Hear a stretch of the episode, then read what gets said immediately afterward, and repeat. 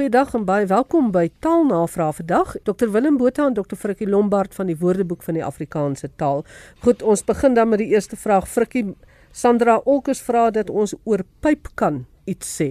Ja, dit is 'n uh, dit is interessant die woord pyp kan uh uit Nederlands pypkannen wat hulle dan ken as 'n werkwoord en jy kry ook 'n selfstandige naamwoord hunpypkan en uh die pypkan as selfstandige naamwoord is dan eintlik 'n 'n kan of 'n bottel waaroor kunststepel uh, geplaas word en dan 'n babas kunsmatig gevoed word. En om te pyp kan die werkwoord was dan om vir 'n kind so 'n kunsmatige uh voeding te laat ondergaan eerder as dat die kind aan die moeder se bors drink. En toe het daar 'n figuurlike betekenis begin ontstaan, naamlik flous of kul of bedrieg, want jy flous eintlik die baba om te dink hy drink nou aan die mamma se bors en dit is dan intussen uh, is dit net 'n bottel met 'n fopspeen as dit ware. Wat interessant is is dat ons die woord pypkan uh, in Af Afrikaans veral in werkwoordelike verband ken, nie so seer as 'n uh, substantief nie. Alhoewel ons het opgawes daarvan in die WAT net uit 1940, 1957 en so onlangs as 2000. Uh, ons kry dit in rugby veral waar jy 'n teenstander pyp kan. Dit beteken dat jy kan swenk uh en daarmee flous, maar dit beteken ook dat jy 'n fop aangee kan gee.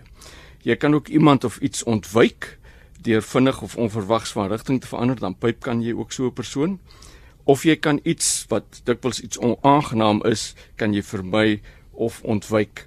Ek kan 'n voorbeeld gee van John Miles wat hy sê die dood mag jou raadgewer wees, maar terselfdertyd bly jy hom pyp kan jy vermy die dood. My kollega Johan Rademan wat ons rugby kommentator is, mm. hy het die vermoë om baie kleurvolle en kleurryke taal te gebruik en beskrywings te gebruik wanneer hy 'n wedstryd uitsaai en ja. hy het byvoorbeeld ook al die woord pyp kan uh, 'n mm. paar keer gebruik wanneer hy in plaas van sy stap te sê of Ja, so die iets. Engels die Engels praat dikwels van dummy Hy sells you a dummy met ander dan en dan gaan dit gewoonlik daaroor dat jy maak asof jy die bal gaan uitgee met 'n swaai van die arms en dan laat jy baie keer dat die ander dat die verdediger die man langs jou duik in plaas van op jou te konsentreer en jy bly die bal hou, jy gee hom nie uit nie. Kom ons gaan aan na Willem toe.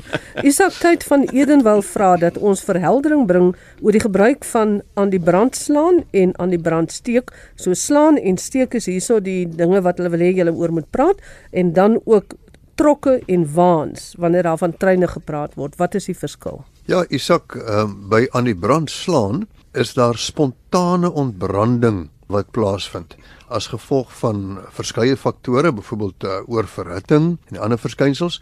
So 'n motor se engine kan aan die brand slaan vanweë oorverhitting of vanweë elektriese kortsluiting, 'n kragopwekker kan aan die brand slaan. So daar's nie iemand wat doelbewus iets laat brand nie. Daar's nie 'n handeling van iemand op iets wat kom en 'n brand veroorsaak nie dit gebeur net is 'n spontane ontbranding. Die oorsaak is onbekend. Jy kan dit later probeer vasstel, maar op daai oomblik sien jy net dit brand.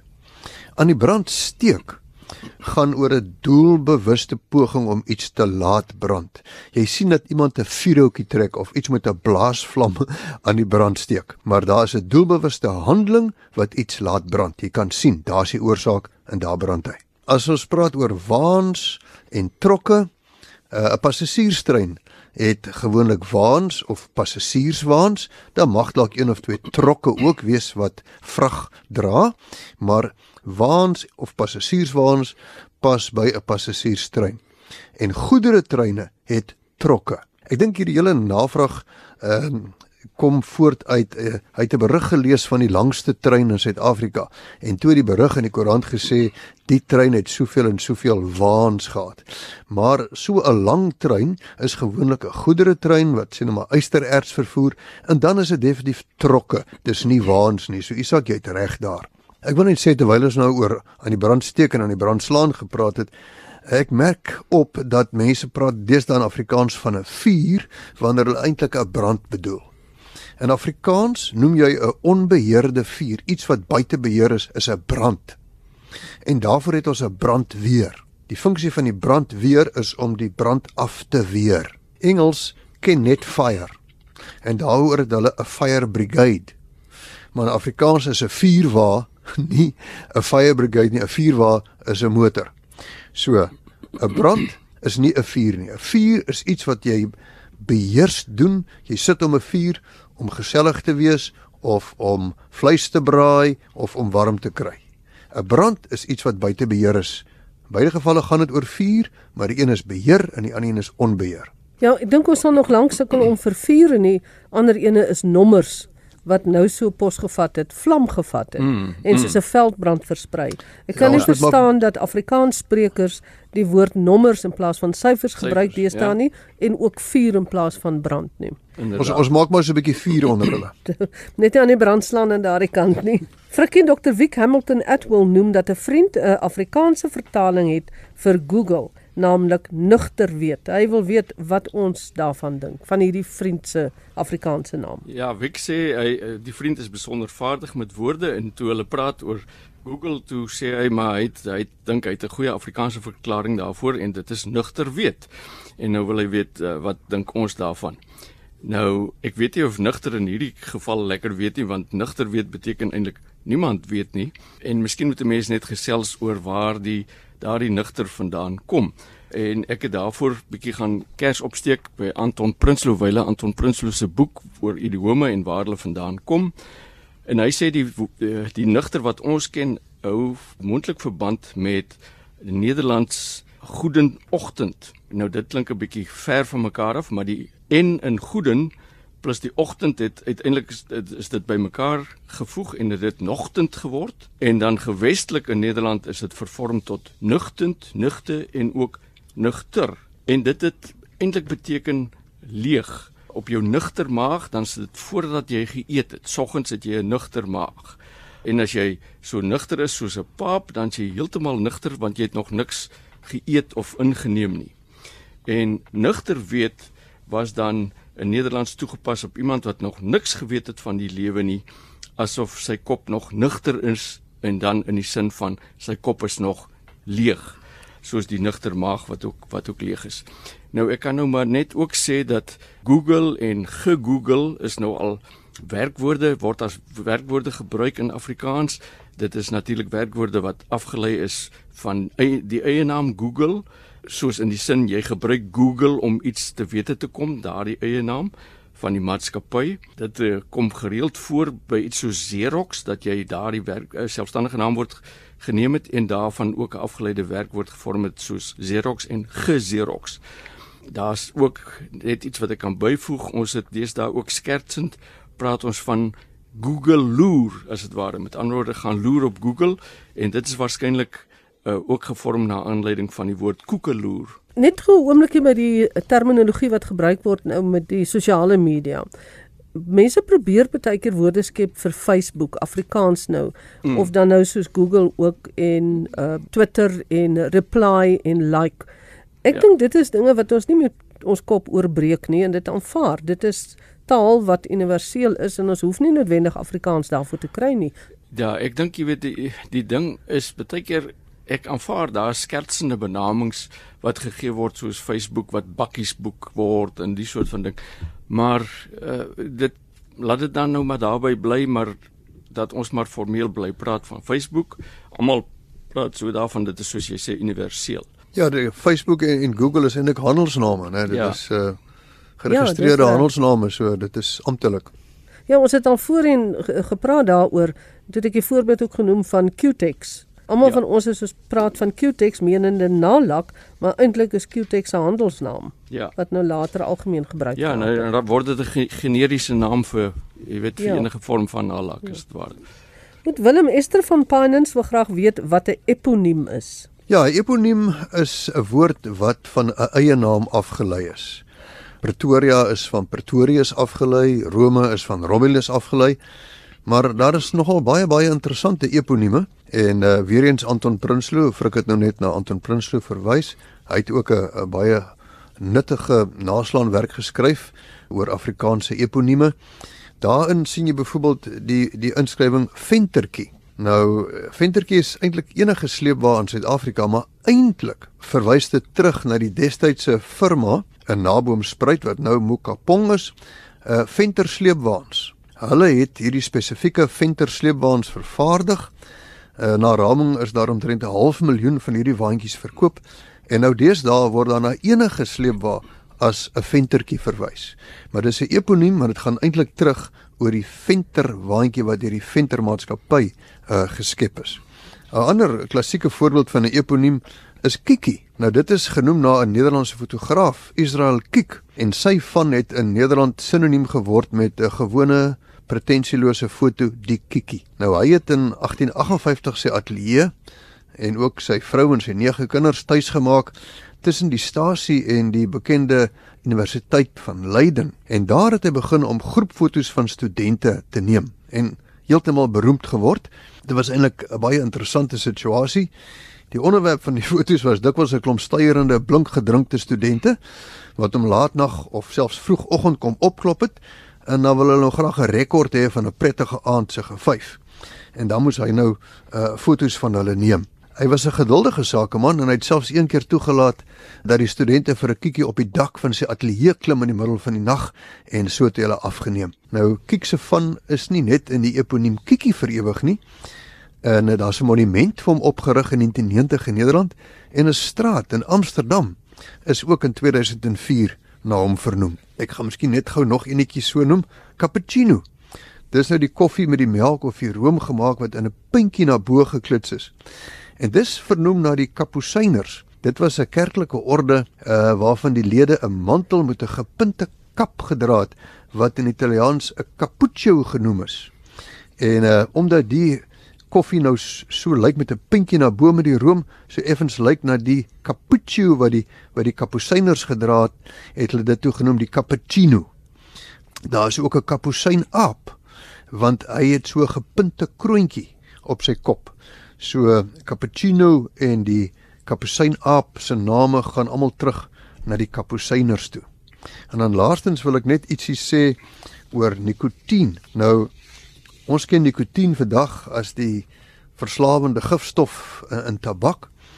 Maar in die 16de eeu was daar 'n Jean Nicot, uh wat ambassadeur vir Frankryk en Portugal was en toe hy nou in 1561 terugkeer na sy termyn na Frankryk, het hy tabak uit Portugal na Frankryk uh, geneem. Hoekom Portugal so lank voor Frankryk was met tabak, weet ek nie, maar hy het toe nou die tabak daar bekend gestel en hulle was so dankbaar dat hulle tabak in Frankryk na hom vernoem het. Maar hulle het tabak ter ere van hom nikotien genoem. Nico word nikotien. En dis eers later jare wat die wêreld die verslawende gifstof in tabak as nikotien beskryf het. Maar dis nie al wat hy gedoen het nie. Hy het ook geglo in die medisinale waarde van tabak en hy het dit byvoorbeeld vir die koningin, die koningin van destyds voorgeskryf vir haar gedurende migraines en nou uit dankbaarheid vir sy bydrae ehm um, tot die Franse leefwyse met tabak is nie net tabak na hom genoem en met die naam nikotine as ook 'n landgoed aan hom geskep. En op daardie landgoed het hy begin skryf aan een van die heel eerste Franse woordeboeke. Dis 'n ja, baie interessante stukkie storie. Die naskeermiddel tabak is am seker nie na aanleiding van hom nie. ja, miskien kom ver afgelei. Maar nee, baie dankie vir daardie nagaan van daai storie uh, Willem, dit was baie interessant geweest. Frikkie Susan vind dit steurend dat mense praat van musiek vir musiek. Nou ek ja. weet nie wat se lekker bedoel nie. Sy bespel die ene M E S U U K en dan die ander in gewoon musiek. Ja, as ek reg verstaan, hier is daar iets baie interessants aan die gang. Ek het nog nie uh dit teëgekom dat dit soek is as dit ware nie. Maar kom ons kyk na die klankverskynsels wat hier ter sake mag wees. Ons kry in eh, in taal in ons taal kry ons ontronding en oorronding. Nou ontronding is as ons geronde vokale sonder die nodige lipronding uitspreek, dan maak ons ons nou eh, skuldig aan wat ons noem ontronding. Muur word byvoorbeeld uitgeskryf as muur en deur as deur en rug as rug. Nou in hierdie geval lyk dit vir my die musiek wat sy van praat, musiek eerder as musiek, dis die e wat 'n swak klank is of 'n neutrale vokaal wat in die plek, plek van die e uitgespreek word. Dit is dan 'n voorbeeld van ontronding. Nou die die suik waarvan sy praat in plaas van die siek lyk nou weer na 'n vorm van oorronding amper. Dit kry ons wanneer ons klanke te veel rond. Veral in Namakoland hoor ons baie keer dat hulle praat van veel en sewe in plaas van veel en sewe. Dis nou maar net 'n uh, uitspraak manier, maar dit is tipies oorronding. Ons kry dan ook vokaalreduksie of vokaalverswakking wat baie keer 'n rol by uitspraak speel. Dit gebeur byvoorbeeld dat wanneer 'n klinker in 'n onbeklemtoonde lettergreep staan, dit tot die neutrale vokaal verswak. Die neutrale vokaal of die e, soos 'n kind of bind, noem ons 'n schwa. En voorbeelde is daarvan is dat ons sê in plaas van party, sê ons party of grammofoon, grammofoon, populier, populier die soort van ding. Dit is 'n voorbeeld van vokaalreduksie. Ek dink van die goeters uh, wat ek nou hier uh, oor gesels het ontronding oorronding het hierby uh die musiek waarvan Susan praat 'n rol gespeel. Goed, as dit 'n laaste vraag waarin ons nog aandag kan gee. Willem, jy gaan vir ons afsluit met 'n uh, vraag van Quentin. Quentin sê dit maak sy ore seer as mense praat van baie in plaas van baie en van iewerster in plaas van iewers of liewerster in plaas van liewers. En dan die ergste vir hom is ek doen in plaas van 'n een eenvoudige ja. Quentin, ehm um, die verskillende uitsprake van baie het maar te doen met die verskillende streke uh waar Afrikaans gepraat word. Ek het ook al gehoor dat mense sê baie waar die meeste mense sê baie. Ek, ek glo dit gebeur binne sekere streke en ook miskien binne sekere ouderdomsgroepe. En ons kan nou nie regtig sê dis verkeerd nie. Ehm um, dit is miskien nie die oorheersende uitspraak nie. Maar die interessante ding vir my is dat dit onbewustelik waarskynlik teruggaan na die oorsprong van baie. Ons het baie gekry uit Maleis banyak. Daar hoor jy net as banyak en banyak het geword banya en banya het geword bayang. So toevallig gaan baie terug na die oorspronklike vorm van baie. Maar ek glo dis heel toevallig en uh die oorheersende uitspraak bly baie. Dan oor liewer en liewerste uh en liewerster en iewers en iewerste. As jy nou gaan na 'n woordeboek soos die WAT, die Woordeboek van Afrikaanse Taal, sal jy sien dat onder liewer en onder iewers word die definisie gegee. Maar dan sal hulle dit as sinonieme gee. By liewer sal ons sê liewerste en liewerster geselstaal. So liewerste en liewerster is geselstaalforme wat hier genoem word. Dit is nie verkeerd nie, maar ons gebruik dit net in die geselstaal.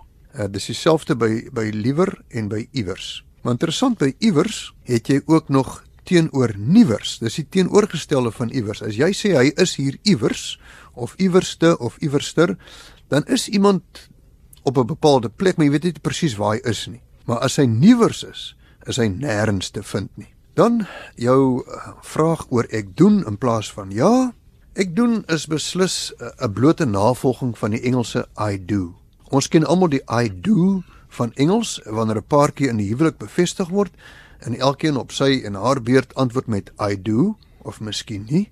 En ek het altyd gewonder wanneer 'n Afrikaanse bruid of bruidegom ek doen gaan antwoord. En sou waar, daar hoor ek onlangs hoe die bruidegom ek doen antwoord in een van die baie Afrikaanse televisieprogramme oor hoe om te trou of hoe om jou onthaal te reël of hoe om jou eggenoot te vang. Nou, deesdae is die vraag en antwoord patroon omtrent altyd die volgende. Speel jy tennis? Ek doen. Hou jy van koffie? Ek doen. Drink jy melk in jou koffie? Ek doen. Weet jy wat jy doen? Ek doen. Ek kan maar net sê, kom ons hoop dit is net 'n modegier en dit waai oor en dat ons weer sal leer om eenvoudig ja te antwoord in plaas van ek doen. Ons maak so Willem, baie dankie Dr Willem Botha, Dr Frikkie Lombard vir vandag se taalnavraag en ons groet tot 'n volgende keer.